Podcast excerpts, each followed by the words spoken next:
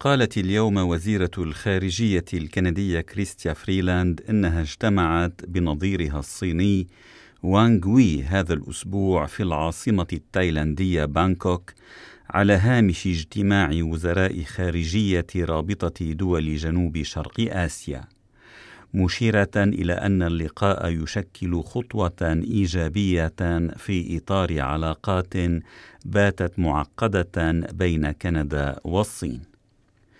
وأثارت فريلاند مع نظيرها الصيني قضية الكنديين مايكل كوفريغ ومايكل سبافور المعتقلين في الصين فيما أثار وزير الخارجية الصيني قضية المديرة المالية لدى عملاق الاتصالات الصيني هواوي مينغ وانتشو الخاضعة للإقامة الجبرية في كندا والتي انطلق مسار إجراءات تسليمها للقضاء الأمريكي. وهذا أول اجتماع يعقد بين وزيري خارجية كندا والصين منذ دخول العلاقات بين البلدين قبل تسعة أشهر في أزمة دبلوماسية تفاقمت مع مرور الزمن. وبالرغم من سعي فريلاند مرارا للتباحث في قضية كوفريغ وسبافور مع نظيرها الصيني لكن بلا جدوى قبل عقد الوزيرين اجتماعا هذا الأسبوع The minister and I discussed the bilateral relationship between Canada and China. I took the opportunity to express Canada's concern over the cases of Michael Kovrig and Michael Spavor, who have been arbitrarily detained in China. Minister Wang expressed concerns regarding the extradition process of Meng Wanzhou. تحدثنا الوزير الصيني وأنا عن العلاقات الثنائية بين كندا والصين واغتنمت هذه الفرصة لأعبر عن قلق كندا إزاء قضيتي مايكل كوفريغ ومايكل سبافور المحتجزين بشكل تعسفي في الصين قالت وزيرة الخارجية كريستيا فريلاند في مؤتمر صحفي هاتفي صباح اليوم. وأضافت فريلاند أن نظيرها الصيني من جهته أعرب عن قلقه إزاء مسار إجراءات تسليم مينغ وانتشو. مكملة تبادلنا وجهات النظر حول مسائل ذات أهمية لبلدينا وتعهدنا بمواصلة المحادثات. وأكدت فريلاند للصحفيين أن تمكننا من التحدث معا وتناول هذه المسائل وجها لوجه وبشكل مباشر يشكل قطعا خطوة إيجابية. لكن تفاصيل المحادثات المستقبلية ستبقى على نطاق واسع خلف الأبواب المغلقة كما أوضحت فريلاند.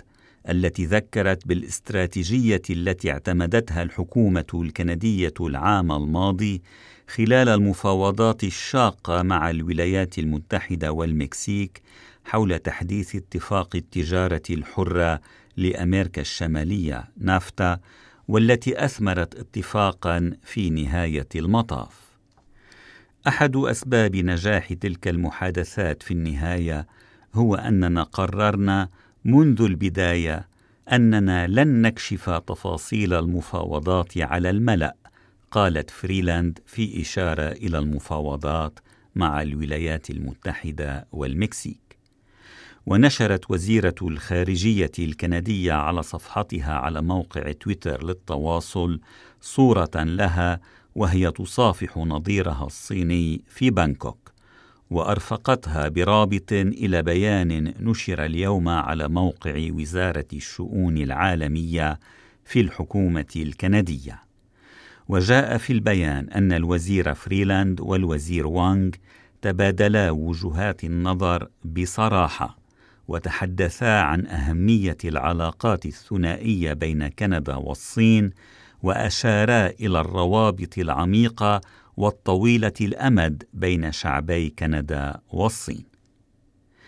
من جهته انتقد أندرو شير زعيم حزب المحافظين الذي يشكل المعارضة الرسمية في مجلس العموم انتقد طريقة تعاطي حكومة جوستن ترودو الليبرالية مع ملف الأزمة مع الصين معتبرا أن سياسة الحكومة اتسمت بعدم اتخاذ الإجراءات المناسبة.